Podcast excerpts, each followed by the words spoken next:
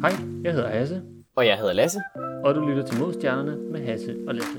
Det her podcastet, hvor to rumnørder snakker om nyheder inden for rumfart, astronomi og alt derimellem. Så Lasse, hvad skal vi snakke om i dag? Jamen Hasse, jeg tænker, at øh, noget af det første, vi kan snakke om, det er den øh, nylige rumvandring, der var ude på ISS her for et par dage siden. Uh, sejt. Okay. Så, øh, så der var jo lige, øh, lige to gutter ude, Victor Glover og Mike Hopkins. De skulle lige, øh, lige udenfor lidt tid. Syv timer blev det til. Åh, puha. Eller næsten syv timer i hvert fald. Ja. Så øh, de, de skulle ud og, og fikse noget på Columbus-modulet. Øh, ESA's øh, lille, Ja. lille modul til ISS. ja, lige præcis. Vi har, vi har en, øh, en 1T-model hernede på, på S-Tech, som er inde i et øh, stort laboratorium. Okay, Ja, ja. sådan. De er simpelthen ude at fikse. Ja, der skulle, der skulle opgraderes nogle ting, og så skulle Bartolomeo-platformen, den skulle simpelthen sættes op. Det er sådan en, øh, en, en ekstern platform, hvor man så kan sætte eksperimenter og udstyr på, på ydersiden, altså så det ligesom er ude i rummet, øh, så man kan lave eksperimenter derude. Okay, så man sådan, så formoder at når eksperimentet kommer med op med en, øh, med en kapsel eller noget lignende, så bliver det sådan, hvad ved jeg, sådan ført derud af, af en arm, Canada-arm, eller hvad? Ja, sandsynligvis Canada-arm. Jeg kunne forestille mig, at de fleste af de eksperimenter, der skal være derude, det er nogle, de i princippet først får med indenfor, og så når de så skal, skal sætte dem til, så tager de dem med ud på en af de Ja. her rumvandringer. Så har de dem med i, øh, i luftslusen, så de kan få det ud. Ja. Men, øh, ja. Men de her to gutter, de var altså lige, øh, lige øh, en lille kort tur ude, øh, kan man sige. Blandt andet så skulle de øh, sætte den der Bartolomeo-platform op, og så skulle de så også lige øh, sætte en ny KA-antenne op, så de kan få noget, noget bedre båndbredde. Ah, cool. Ja. Det, øh, det var Glovers første rumvandring. Øh, Hopkin han har været afsted tre gange nu på rumvandring. Okay. Øh, han startede lidt, øh, lidt vildt ud. Inden for de første 5 minutter, så skulle han sætte sig hen. Canada Arm, Canada Arm 2, den har sådan en øh, platform, man kan stå på. Så skulle han sætte sig på den, og så fik han lige et lift af den hen til Columbus-modulet. Åh, det må være både sejt, men også lidt skræmmende. Sådan, så, Ja. Du stiller dig lige her på, så flytter vi dig lige i rummet over Ja. på den anden side, så du kommer der. Ja, det må være rimelig skræmmende. Men øh, Hopkins, han skulle så, øh, hvad skal man sige, gå, eller hvad man skal kalde det, altså bruge de her små karbinhager og sådan noget, til ligesom at kravle hen langs, øh, langs rumstationen, hvor at, at Glover, han så bare fik sådan en lille, et lift øh, for hen og, og ligesom at fikse det. Men der skulle øh, trækkes en masse kabler og sådan nogle ting. Det, øh, Ja. det var åbenbart smart, at den her var ekstra mobil. Er det, øh, er de begge to kommet op med øh, Crew 1? Ja, lige præcis. Ja, det, øh, det er de to er.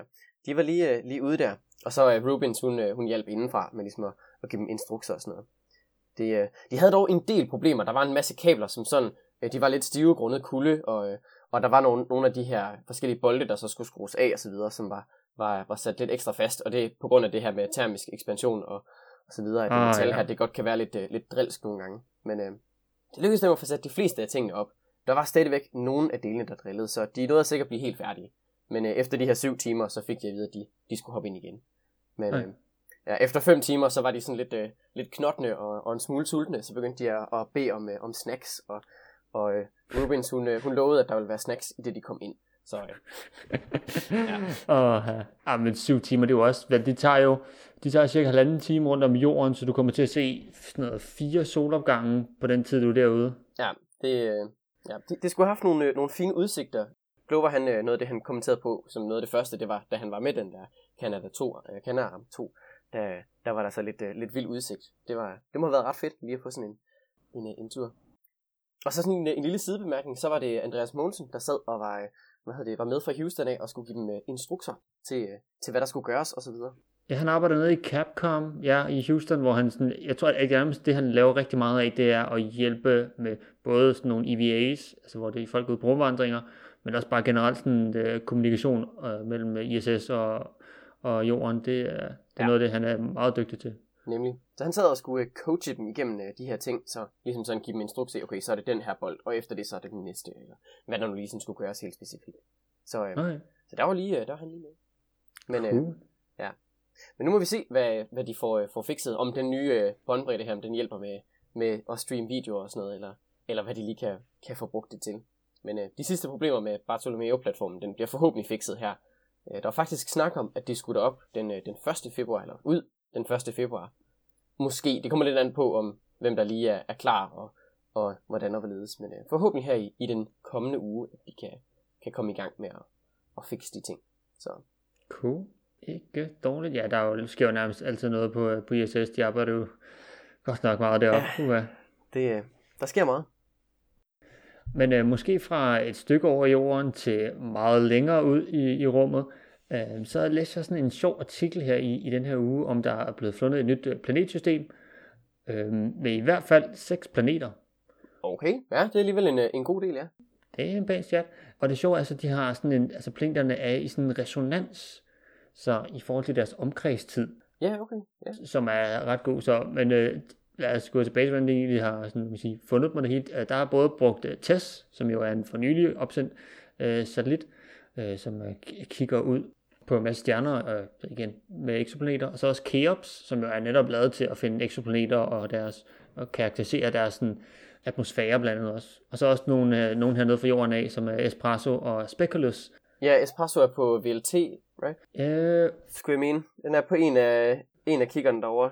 Ja, ja øh, men det, så har de så fundet de her øh, planeter, som øh, er sådan et sted imellem sådan det, man i, i astronomien kalder Super Earth og Mini Neptunes, så sådan en, en lille smule større end Jorden, men mindre end Neptun. Det er sådan, det er sådan prisleje der, det er det, vi Ja. snakker om i, i, i planetstørrelser. Mellemstore planeter.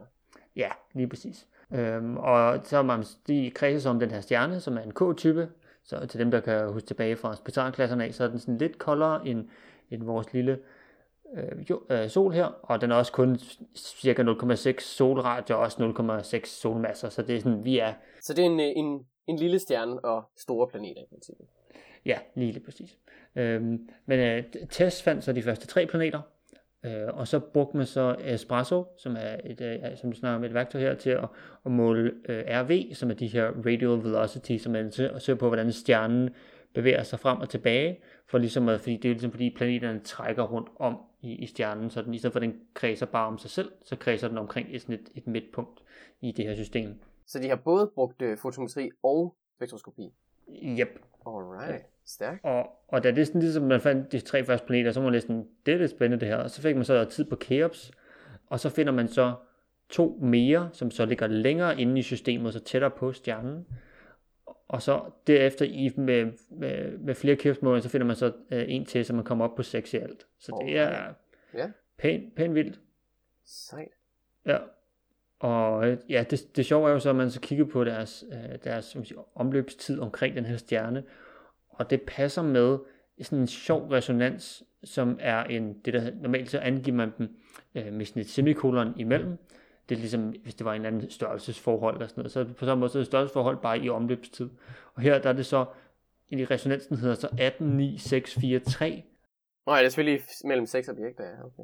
Ja, ja, lige præcis. Så, så mellem de forskellige objekter, så er der så, så altså, den yderste bruger 18 gange rundt, øh, mens den, øh, hvor den inderste kun bruger 3 gange på at komme rundt, i, for, altså i forhold til hinanden. Det er, Det er vel den anden vej rundt, er det ikke? Er det ikke sådan, den inderste, den skal 18 gange rundt, og den Ah, yderste jo, kommer så jo. 3? Det må være sådan, det vil ikke give nogen mening i hvert fald, hvis den yderste var hurtigere end den inderste. og, øh, øh, nej, sorry, ja, det den anden vej rundt, ja. Så det, øh, ja, så, så, ja, så det, og det er sådan, det er mere, det er mere det, at det er så sådan regulært, at, og det er, jeg vil sige, mange af planeterne, man har nogle gange set det, nogle gange med måner også, Ja, specielt måneder, ja.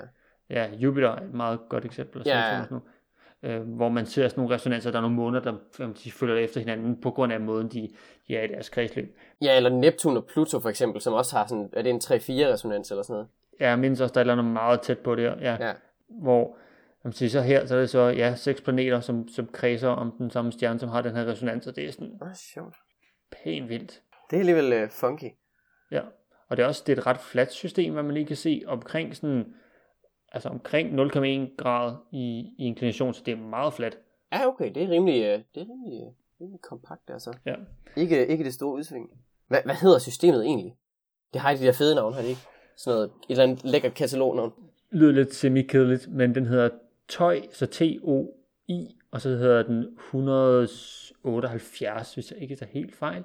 Tøj, er det så Test Object of Interest eller sådan noget? Ja, lige præcis. Jeg tror, det er tester, det var tester først på. Så øhm, ja, test uh, Object of Interest 178.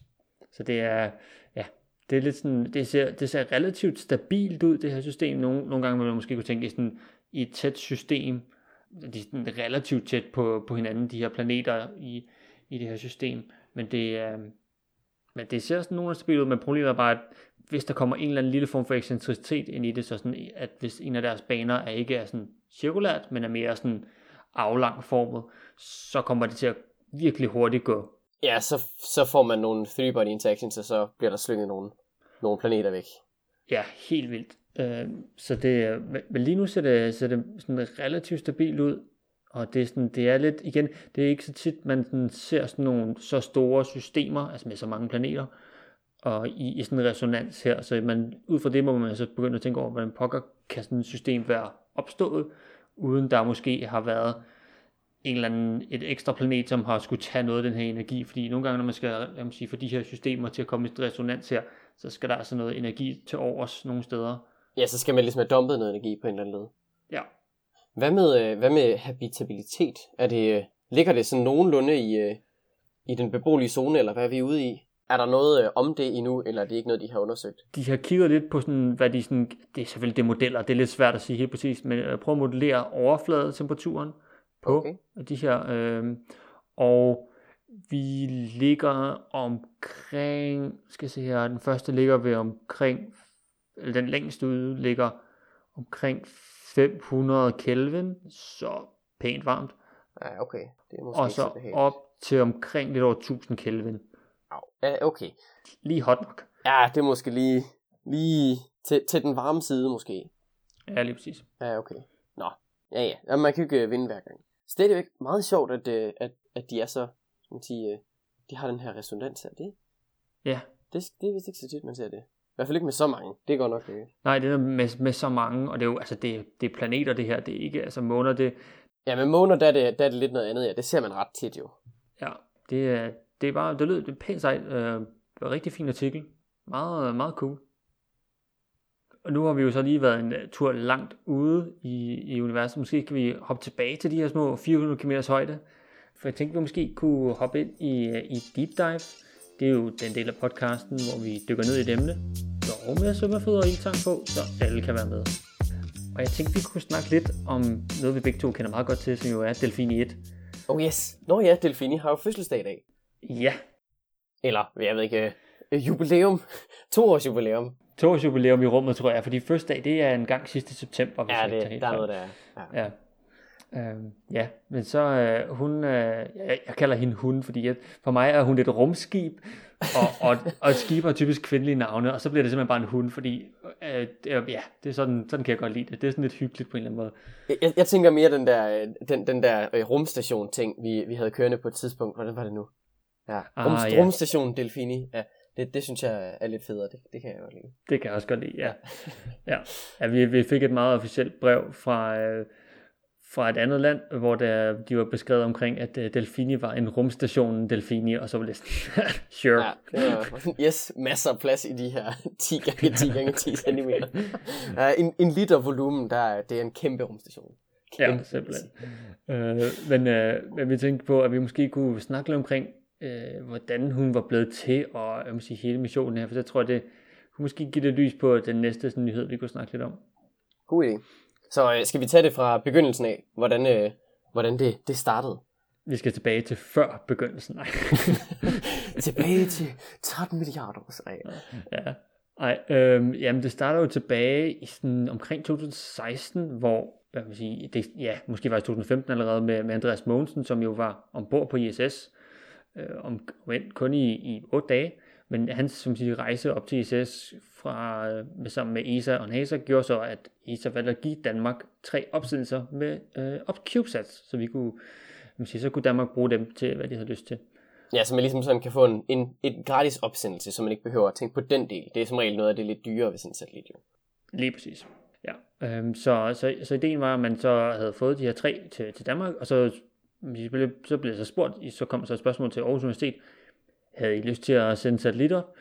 Og så kunne jeg forestille mig, at der har været sådan en møde inde på Aarhus Universitet, hvor de bare alle sammen har kigget på hinanden og siger, ja, det vil vi da gerne. og så, øh, så var ideen så, så skulle man selvfølgelig få samlet nogle penge ind, og fik man så gjort, og så øh, begyndte man så at tænke ud på, hvad, hvad skulle man så gøre med en satellit, for det er jo en CubeSat, så det er jo relativt lille satellit, det er ikke en, sådan en test eller en Keops eller sådan noget. Det...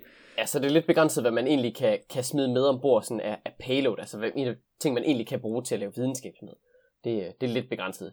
Også med pladsen og sådan noget. Ja, det er præcis. Så, så ideen kom jo så til, at man simpelthen vil bare have en lidt sådan en prototype øh, proof of concept, hvor man så bare siger, vi ved ikke så meget om at styre satellitter på Aarhus Universitet, men vi vil rigtig gerne komme ind i det, så vi tager simpelthen den her mission for at lære om, hvad det vil sige, og både at, vil sige, at få bygget satellitten og øh, testet den, og så få den op i rummet og øh, styre den, og alt det, vil sige, alt det, der følger med, både øh, dokumentation og arbejde med, med forskellige øh, ting og sager, med for eksempel øh, stater og få en radiofrekvens til, øh, tilgivet til Delfini. Og sådan, der, der er rigtig mange sådan ting, som man måske ikke lige tænker over, når man lige hører, at vi skal bare lige sætte lidt op, men der er rigtig mange små ting undervejs, og det er jo sådan noget, man skulle lære, og det lærer man måske bedst bare at gøre det. Ja, i stedet for at læse om det i bøger, så, så kan det være lidt, lidt bedre at prøve det med, med egne hænder, kan man sige. Ja, det er præcis. Men det var jo også lidt sådan en, en studenterting jo, at, at det skulle være en satellit bygget af studerende, og så skulle den styres af studerende. Netop for, at det var, det var også studerende, der kunne, kunne lære mest muligt. Og så havde vi ligesom tårholdere, som var professorer og sådan noget, til at, til at stå for det administrative. Så den del slap vi jo heldigvis for. Ja, ja, for, uh, ja, det er jo kommet hernede i den anden ende øh, på, på, på UCESA, der kan man godt mærke, der er godt nok meget i den anden ende af dokumentation, og jeg skal komme efter. Okay. Ja, men, men ideen var også, at den skulle ja, altså også være sådan et studentprojekt for ligesom at de studerende på Aarhus Universitet kunne få lov til at udnytte, at man har fået sådan en mulighed her. Øh, så, så man fik samlet sådan et team af ja, øh, både øh, nogle masterstuderende, altså folk på deres kandidat, og så også nogle få bachelorstuderende, så vi det kunne, kunne forstå. Ja, på tredje år, var det ikke sådan? Lige præcis. Så de ældste kunne lige være med der, ja. På det tidspunkt øh, var jeg kun, øh, i hvert fald da, da, da jeg begyndte at komme lige med på det, var jeg kun på øh, anden året, og der, der var jeg simpelthen ikke ung, jeg havde slet ikke sådan, man sige, lagt mærke til det. Så det, så det var, ja, det kunne være cool, men øh, det var måske også fint nok, at man skulle have lidt mere erfaring. Jeg tror også, det, at man måske skulle have nogle studerende, der trods alt havde en anelse viden omkring fysik og øh, lignende til at kunne, kunne, kunne være med på det her. Helt sikkert. Også at man ligesom havde lidt kodeerfaring og sådan nogle ting. De ting var jo var egentlig ret essentielle. I hvert fald lidt, lidt senere i processen, kan man sige. Det må man sige, ja. Øhm, og så blev Delfini samlet. Øh, man har købt alle delene op fra, fra Gomspace af, som er et øh, dansk firma, som ligger op i Aalborg de laver simpelthen de her CubeSats, både forskellige dele, men også, som vi kan sige, vi gjorde her med Delfini, som sådan en pakkeløsning, hvor vi siger, vi ved ikke så meget, og vi behøver ikke udvikle alle små dele selv. Det kunne bare være rigtig fedt, hvis vi lige købte sådan en pakkeløsning. Og så sagde jeg om det fikser vi. Så det var, det var lidt sådan IKEA-løsningen på, øh, på det problem, egentlig. Sådan, at man bare køber øh, den der Eyjafjallajökull-skabet, eller hvad det nu hedder, og så er det bare, at du har alle delene, så skal du bare samle det. Og det kræver jo så lige, at man har et, et renrum, man så kan gøre det i, så det bliver gjort helt forsvarligt. Og der er en masse restriktioner og sådan noget, men man skal få det hele noteret ned og sådan noget. Al, alle skridt skal jo noteres. Men det er altså egentlig bare en, en pakkeløsning. Det er vældig, vældig smart. Ja, ja en IKEA-løsning er måske en rigtig god beskrivelse på, hvad det egentlig er. For det er sådan, ja, du skal lige medbringe dit eget øh, skruetrækker og renrum, og så kan vi snakke om resten. Ja, det, øh, det, det er næsten cirka det. En computer, hvor du kan skrive ting ned på, og, og et meget, meget øh, altså en klinisk rent sted. Der var der så heldigvis øh, over ved, ved Ejnano Center, der, der har de et, et renrum. Så det er sådan noget med, øh, man skal have sådan en heldragt på, og hårnet og handsker, og hele muligheden. Det er, det er ret intens. Så så man lige kommer op i sådan et uh, smølfekostyme, og så, uh, så tager man den derfra. Det er så hyggeligt. Jeg tænker, vi skal lige have et af billederne med derindefra, fordi det, uh, ah, det er ja. så hyggeligt. Ja, der, så der, var, der var nogle studerende, der fik lov til at, at simpelthen samle delfini, og så jeg tror, vi, vi plejer at snakke om, at Delfines fødselsdag er den første gang, den blev tændt, og det er den 6, 26. september øh, i 2000 og... Og nu skal jeg lige huske rigtigt. Ja, jeg skal lige huske rigtigt. 18 måske? 17. 17? Er den 17. Ja, det må det være, fordi vi kommer ud i, vi kommer ud i 18 og bliver sendt ud fra ISS i 19. Ja, det, det lyder rigtigt, ja. Men i, i hvert fald inden vi kommer for godt i gang, så, øh, så var den jo nu blevet samlet og blevet tændt, og Delfini var nærmest blevet født øh, med en lille vægt på øh, 1027 gram. Ja, så en lille fin en. Så på størrelse med en, øh, med en liter mælk jo egentlig, sådan rundt regnet. Ja, det er, det er faktisk... Ja, samme volumen og næsten samme vægt, ja. Det, Ja, så, og så skulle der også testes en hel del, så det er både med at, og, hvad man sige, for os studerende at forstå, hvordan Øh, satellitten er opbygget sådan indeni, med, der er kameraer, og der er batteri, og nogle computer og solceller, og en masse forskellige ting, og en radio og antenner og sådan noget, og hvordan det hele spiller sammen. Det skal man selvfølgelig arbejde på at forstå, fordi der sidder i, i hvad man siger, måde, man kommunikerer med Delfini, er jo igennem sådan et, et radiosignal og igennem en computer og en terminal. Så det, det er ikke bare sådan, hvor man lige trykker på en knap, og så fungerer det hele bare. Det, det er meget mere sådan lidt kodeagtigt, øh, til dem, som måske ikke lige ved så meget om det. Og så, så derfra, så, øh, ja, så skulle den jo så også igennem det, der hedder environmental testing, så det er simpelthen, hvor man vibrerer den helt vildt meget, så den ligesom simulerer, at den øh, kommer op med en raket, øh, og så også, at den kommer i det, der hedder TVAC, som er et Thermal Vacuum Chamber, som er så sådan et termisk vakuum, jeg vil sige, ovn er det vist nemmest bedst at beskrive som.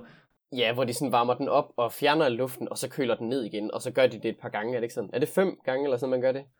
Øh, typisk tre, i det er i hvert fald sådan som et minimum. Øh, mm. Men det er, sådan, ja, det er lidt forskelligt, hvad man har lyst til at teste. Men så, så for ligesom at sikre sig, at den kan holde til at, at, at være ude i rummet, for der vil jo både møde i sollys, få en del varme, men så også få en del kulde, når den er omme bag i skyggen af jorden. Så ligesom for at sørge for, at den rent faktisk kan holde til at være, være i kredsløb, og det ikke bare er, at den kan holde til vakuum i sig selv, eller temperatursvingninger. Den skal gerne kunne holde til det hele på, øh, på én gang jo. Lige præcis. Ja, og så, øh, jamen det er så i september 2018, der er øh, projektlederen, øh, som er Vicky, øh, hun, Vicky Antochi, hun og hendes studerende, de øh, rejser så til USA over til, øh, til Houston til et firma, der hedder Nanorax, som er sådan der, man sådan, at ESA har fået, eller har givet opsendelsen til. Så Nanorax, de laver de her løsninger til CubeSats, hvor de, øh, hvor de sender dem ud øh, og får ISS af. Ja, det er vel i princippet en, kan man kalde det en fjeder bazooka. Det de egentlig monterer den i. En fjederbazooka er det helt rigtige ord, kan jeg godt mærke nu. Jamen, det, det er sådan et, et, et rør, og så har man den ligesom monteret nede i enden, og der sidder sådan en fjeder, som så kan, kan skubbe den ud, når den nu engang bliver klar til at, at rent faktisk at være ude i rummet. Men der bliver den ligesom monteret i den der anordning der. Ja, lige præcis. Så, øhm, så de rejste derover og øh, fik øh, Delfini sat i den her fjederbazooka, godt ord.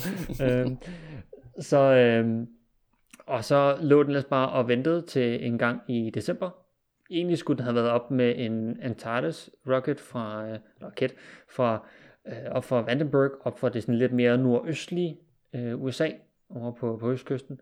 Det, men det blev så, vi blev så flyttet fra en Antares til en SpaceX-raket. Den skulle så op, øh, egentlig sat til den 4. december, men vi blev så lige skubbet en dag. Ja, der var noget, øh, der var noget, var det mussefoder, eller hvad var det? Rottefoder? Der, der, der var muggent. Det var meget mærkeligt en, en god kombination af det hele. Øhm, så der var, der var sådan, man var lidt usikker på vejret, det var ikke helt fantastisk, og så havde man også ja, noget, noget, noget mad, som skulle med ombord til nogle mus, som er ombord på ISS. Øh, de, det mad var desværre så blevet muggent, og mm. så, man må, så man tænkte så, okay, nu er vi alligevel alle usikre på vejret, så vil det passe rigtig fint med, at vi lige scrubber i dag, så man simpelthen lige flytter opsendelsen til næste dag, så kan vi lige få lov til at få det her musemad ud, og så få noget nyt frisk ind, og så, så skal det hele nok gå. Og øh, vi var jo så en, øh, jeg vil næsten sige en delegation, som jo var taget til øh, USA. Så det var en masse af de her studerende fra, fra Aarhus Universitet af, øh, og så nogle øh, professorer. Så var vi simpelthen fløjet til Florida uh, af alle states in the United States, for ligesom at, at se den her opsendelse. Og det var jo altså en fantastisk oplevelse, og vi var ude på sådan noget, jeg tror vi var cirka 5 km fra opsendelsen af, og det var en altså vi kom derned, og det var jo, ja, vi kom ned om aftenen, og det var 25 grader om natten, og det var, dagen havde været banevarme, og så på opsendelsesdagen står vi ude på en, ja, det er nærmest en øh, mark ude, og cirka 5 km fra, og det er bare god blæst, og det er iskoldt. Is, ubehageligt. Yes, men det var en fantastisk oplevelse at, at se øh, den her raket og høre den og mærke den, tror jeg, hvis det er nok også det bedste måde at beskrive det på. Sådan den her sådan rysten i brystet, jeg, jeg kan huske, det var, var det ikke dig og Janne, der, der kørte det der livestream af det? Det var, det var ret underholdende at sidde og høre på jer, jeres kommentarer om det der raket der. Det var, det var så gode tider. ja, når jeg hører tilbage på det, så kan jeg godt huske det sådan, ja. åh, vi var måske lidt meget op at køre, men jeg tror også, det er fordi, vi var lidt sådan, åh, det skal bare gå godt det her. Om noget, så må man også gerne være op at køre, når, når det ens, ens lille hjertebarn, en satellit, bliver sendt afsted med en stor raket. Det, der må man altså gerne være, være op at køre. Ja. Det, det føler jeg er ok i og med, at det jo var en Space Rocket, så så vi jo uh, boosteren komme ned igen. Det var jo pænt sejt. Desværre så, så landede den ikke helt korrekt og landede ude i, i vandet. Så altså, den, den vælter ned, og den blev desværre ikke brugt mere, den, den booster. Uh, men det er stadigvæk uh, pænt sejt. Uh, ja, og så, så lå den jo derop, så blev, blev den ligesom flået op til, til rumstationen, op til ISS. Og så lå den der indtil 31. januar 2019. Ja, og der blev det så sendt ud, det var jo så, øh, ja, hvad var klokken der? Et eller sådan noget dansk tid, tror jeg. Ja, omkring klokken 1 dansk tid, ja. Jeg kan huske, der var øh, champagne og taler og alt muligt. Oh ja, Det var ret, øh, ret sjovt. Og så så vi den jo blive sendt afsted live. Det var faktisk ret, øh, ret sjovt. At man sådan kunne se, så havde de ligesom filmet på, øh, er det, er det Canada om 2, eller er det en af de andre? Er det den japanske egentlig? øh, det er den japanske, ja. Ja, som så holder den hen den der fjederkanon, så holder den den øh, ud, og så kan man ligesom sådan se, at den sådan bliver skudt afsted med den lille, lille fjeder der. Ja, så bliver der sådan, så bliver den skubbet bagud i bevægelsesretningen. Ja, sådan lidt nedad også. Lige præcis. For så sørger man ligesom for, at den får lidt mindre hastighed end, jeg vil sige, i bevægelsesretningen end, end øh, ISS, og dermed så kommer den ned i en lidt lavere bane, så man sikrer sig, at den ikke lige rammer ISS, når den kommer rundt den anden vej. Det, øh, ja, det vil være lidt, lidt ærgerligt at sådan, ligesom sådan slippe den, og så kommer den og rammer en næste gang, man er rundt. Det vil ikke være særlig fedt, givet at det, Nej. sådan en, øh, en klods, den kunne alligevel ødelægge en hel del. Oha. Ja. ja, vi skal jo undgå Kessler-syndrom. Det er jo sådan. Ja, det er vil vi gerne. og så, øh, så var der jo lidt, øh, lidt øh, connectivity issues. Der var et eller andet der, synes jeg. På det her tidspunkt, der var jeg stadigvæk ikke en del af holdet. Det kom jeg en uge efter eller sådan noget. Men øh, jeg, lod lige, øh, jeg lod lige de andre der tage, tage skraldet af, af den første uge. Og der var rimelig, rimelig meget tryk på, kan jeg huske. Da jeg kom ind, der var de sådan helt sådan, åh, oh, vi har løst alle problemerne. Det, øh, Ja. det var ret intenst. Hvad var det helt præcis, der foregik der? Så er vi jo ligesom alle sammen lidt hyped på. Den bliver sendt ud klokken øh, cirka 1 dansk tid, og så vil der lige gå i hvert fald en omgang, den tænder efter cirka øh, 45 minutter, så tænder Delfini op. Og så, hvad man siger, så tænker vi, okay, det kan godt være, at vi ikke får den lige i første omgang, fordi vi skal lige finde ud af helt præcis, hvad for en bane Delfini kommer ud i, så vores antenne jo ligesom skal følge Delfini hen over himlen, når vi skal snakke med den. Og det, det tog lige på omgang, inden vi tænkte sådan, okay, nu ved vi det her, det er i hvert fald Delfini. Og problemet er så bare, at vi kan ikke komme i, i sådan kontakt med Delfini. Ja, I, I, kunne, I, kunne I godt registrere pings fra den, eller hvordan var det? Det var, det var den ene vej, hvor det, øh, kommunikationen ikke, ikke fungerede, var det ikke sådan? Øh, jo, så, så i starten så var der meget stille, og vi overvejer måske, om Delfini har været hvad man siger, lidt for afladt, så der batteriet lige skulle øh, hvad man siger, lades lidt op med solcellerne. Men efter sådan, den første dag, så blev det sådan, okay, det kan godt ske, der ikke er kontakt første dag, den kan bare lige lade lidt op, det er fint nok. Og det bliver sådan dag 2 og dag 3, og vi får stadig ikke kontakt. Øh, vi begynder dog at kunne se, at der er sådan et kæmpe, kæmpe, kæmpe stort øh, amatør, en satellit, man siger, radioamatører nærmest øh, i, rundt omkring på jorden, som øh, synes, sådan nogle her opsendelser og udsendelser fra ISS er super spændende. Så de, når, når der så kommer sådan en, en CubeSat forbi, så kan de rigtig godt lide at følge den, for ligesom at se, hvad, hvad for en radiojournal kommer ud, og kan de måske decode det, så de kan forstå, hvad det er, den sender ud. Og vi kunne så begynde at se, at der var radiostationer rundt omkring i, øh, i, rundt omkring i verden, som ser Delfini, altså de her, den sender sådan en lille beacon ud, sådan en lille ping, øhm, og det ser de, og vi ser det ikke, og vi kan ikke få noget kontakt til Delfini. Ja, så der kunne man ligesom sådan lokalisere fejlen til, at den ligesom var, var lokal ved, ved, ved, ved jeres ground station, så der ikke, det var ikke, det var ikke satellitten, der var noget i vejen med, heldigvis. Nej, fordi det kan man ikke lige gå op og fikse. Du kan ikke lige tænde trappestige op og lige sige, øh, der, den tager vi lige og fikser der. Nu øh, der var ligesom ikke så meget at gøre, øh, ellers så, men vi var glade, rigtig glade for, at det var bare hernede på jorden. Og vi får så noget hjælp fra Gomspace af, som så, og sammen får vi så fikset vores øh, antenne, og så, ja, på dag 6 er det så, altså vi har nu været i gang i næsten en, en uge her og arbejdet over weekenden og brugt øh, alt for meget tid, skal vi ikke sige det sådan. Ja, det lød godt nok ret intenst, synes jeg. Ja, og vi brugt, jeg tror jeg har brugt på den, på den uge, tror jeg jeg brugt 40 timer i kontrolrum eller sådan noget. Det var fuldstændig skørt. Der var sådan lige, der tror lige, at alle studier, de blev lige sådan sat til siden, lush, øh, og så, øh, så brugte vi lige tid på, på Delfini her. Øh, men vi kommer så i kontakt, og så går sådan missionen rigtig i gang, for nu, det, nu kan vi begynde at, at, at, at styre den og arbejde med den og operere den. Så det er jo, ja, derfra, så er det jo bare fuld fart fremad. Og det var cirka der, hvor jeg kom ind i billedet med, med det projekt der, sådan blev, en- blev en reel del af det. Så ventede jeg lige til, tingene rent faktisk virkede, og så kunne jeg komme med. ja, og, øh, og så siden da, så har vi jo bare øh, taget masser af sjove billeder, prøvet at tage billeder til at starte med. Det lykkedes jo så der om sommeren, dag 19, Ja, hvor vi fik taget de første gode billeder. Ja, vores sådan, kamera er jo kun, altså bor på Delfini er jo kun 3 megapixels, så det er ikke fantastisk. Ej, det er sådan lidt øh, gammel Sony Ericsson kameratelefon. Lidt, øh, lidt, lidt i den stil. Ja. Til gengæld, så er der nogle rigtig gode, pæne, store linser i, øh, så, så hvad man er siger, selve sådan, så, så, det, er sådan, det tager nogle pæn, pæn gode billeder, hvilket, men vi skulle lige arbejde lidt på at sætte indstillingen korrekt, skal vi ikke sige det sådan? Ja, det tog også lidt tid. Det, øh, Ja. Ja, specielt når man så, når man så endelig har taget et billede, så skal man også lige øh, vente altså et par dage, før du sådan kan se det, fordi du skal lige hente billedet ned, og internetforbindelsen op til den, nej, internet, forbindelsen der for, for download, hvad den, når det går hurtigt, så er vi oppe i 0,9 kilobit i sekundet. Ja, øh, kilobyte, tror jeg faktisk det er. oh, kilobyte, ja. ja. Ja, ja, men det er altså, vi er sådan i sådan størrelsesorden 1 kilobyte per sekund. Og de store gode billeder, som vi får taget i sådan fuld størrelse, de fylder omkring 300. Så det, øh, det tager så lidt tid. Og så specielt, når man ikke lige... øh, Altså, man har jo sammenlagt 10 minutter, hvor den er over horisonten, hvor man kan snakke med den. Der skal du først lige bruge noget tid på så at hvad skal man sige, få etableret kontakten, og så skal du lige give den nogle sådan, øh, uh, housekeeping-kommandoer og sådan noget, for ligesom at sørge for, at den, at den holder sig ved lige, og den ikke uh, nulstiller til fabriksindstillinger og sådan noget. Og det tager også lige lidt tid. Og så kan man så begynde at hente de her billeder. Der har du måske allerede næsten brugt halvdelen af tiden. Så det er sådan lidt, uh, lidt, lidt en, kamp, uh, en kamp mod tiden. Men uh, det kan så godt lade sig gøre at få hentet de her, de her billeder ned. Heldigvis så henter man jo så ikke fuld, fuld størrelse billeder hver gang. Man kan hente sådan en lille thumbnail, som er sådan en, ja, hvad kører vi, en 8. del af størrelsen? Ja, det er noget den stille eller sin del. Vi er nede i sådan en, en helt størrelsesorden mindre, for ligesom at, og så kan man få et, en lille version af billedet ud, så kan man se, er det her noget, vi overhovedet gider hente ned, eller er det bare et sort billede, fordi vi ikke lige pegede den rigtige retning ned mod jorden på det her tidspunkt. Ja, så hvis det, ikke, hvis det ligesom ikke er noget værd at hente det billede der, så i stedet for at bruge tid på det, så tager vi bare et nyt billede, eller henter det af de andre, og så kan man ligesom, øh, ligesom undgå at skulle spille tid der.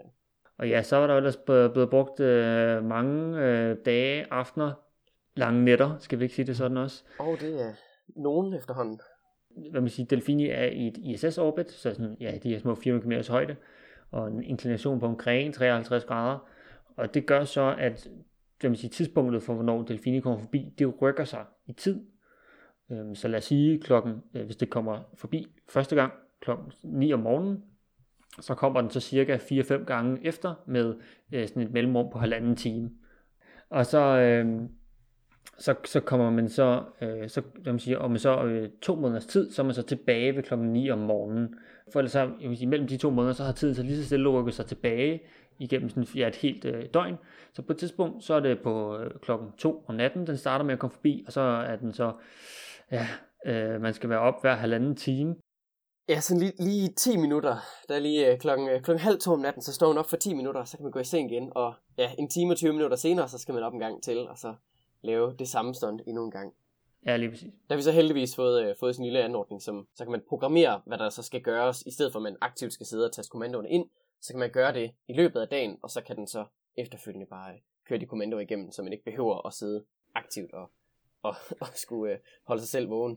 Det, øh, det gør også, at man måske er lidt øh, mindre tilbøjelig til at lave fejl. Jeg, jeg ved i hvert fald, jeg kan selv huske et par gange, hvor man vågner der klokken 3 om natten og er fuldstændig groggy, og skal sidde og være sådan, Åh, og være kommandoen lige nu.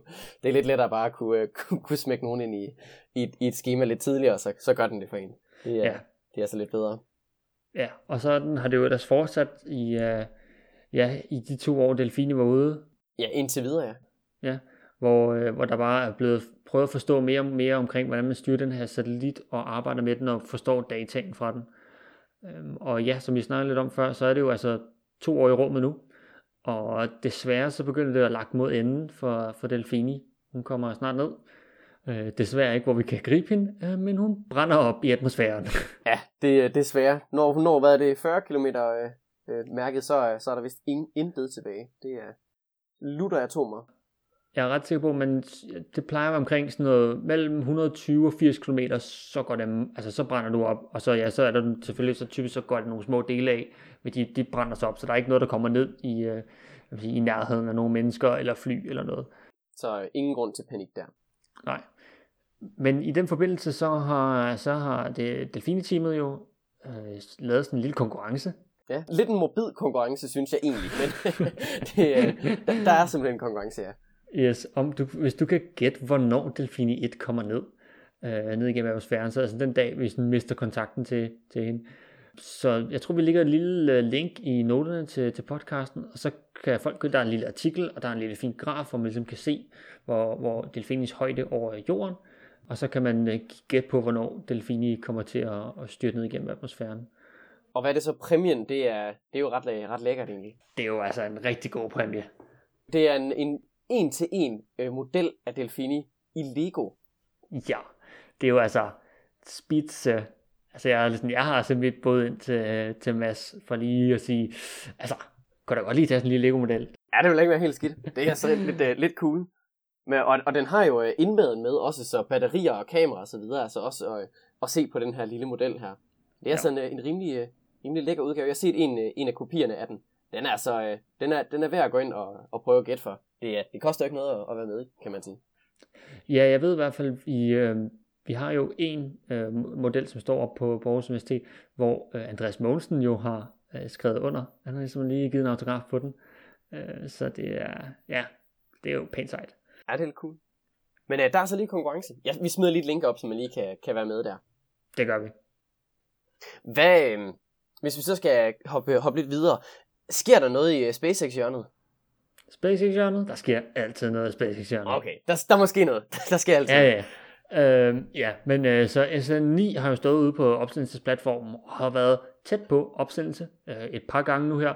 Der har været lidt øh, problemer både med og øh, med at få godkendelse til at flyve og blive sendt op. Øh, der skal man søge godkendelse hos det amerikanske flyveagentur. Øh, Ja, de skal både koordinere med kystvagt og alt muligt. Ja. Lige præcis. Fordi man sender også sådan en ja, kæmpe stor raket op. Jeg tænker, det er fornuftigt lige at, lige at aftale med folk, sådan, hey, vi sender lige den her kæmpemæssige ting afsted, der potentielt kan eksplodere. Det er måske smart lige at, at aftale med folk, at man, man gør det. Der er også, man skal også evakuere byen, der ligger tæt på. Der bor sådan noget 20 mennesker i, men uh, Boca Chica i Texas, den, uh, den, bliver, den bliver ligesom lige ryddet, hvor alle folk bliver bedt om at forlade byen, og så kan de vende tilbage bagefter. Øhm, Skønt. ja.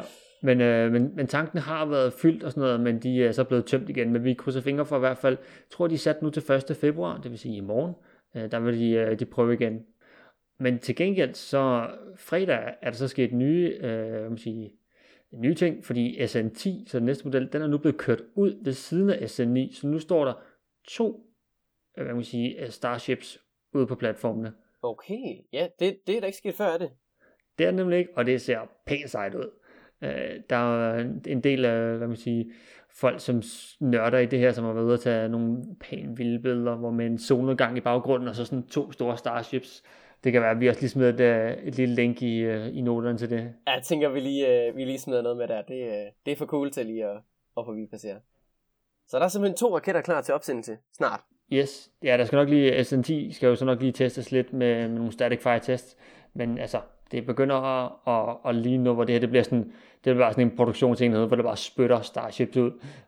Så det, det begynder at ligne noget, og øh, Øh, sige super heavy, som er den her booster, så første stadiet er, er også lige så stille begyndt at blive mere og mere samlet nu, øh, og der begynder nu lige så stille at, at blive samlet. Jeg tror, den stadigvæk er i midtbanen, som er sådan den sådan mellemstørrelse hangar, de har til at, at samle ting i.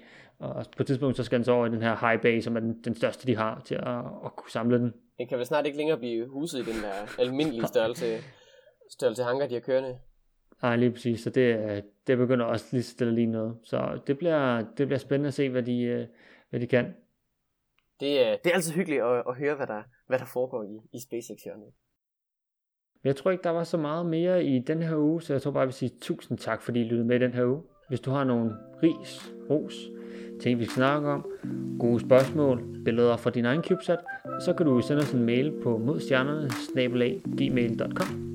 du kan huske, du kan følge os på Instagram, og du kan selvfølgelig altid følge podcastet på din yndlingspodcast tjeneste. Vi snakkes ved i næste uge.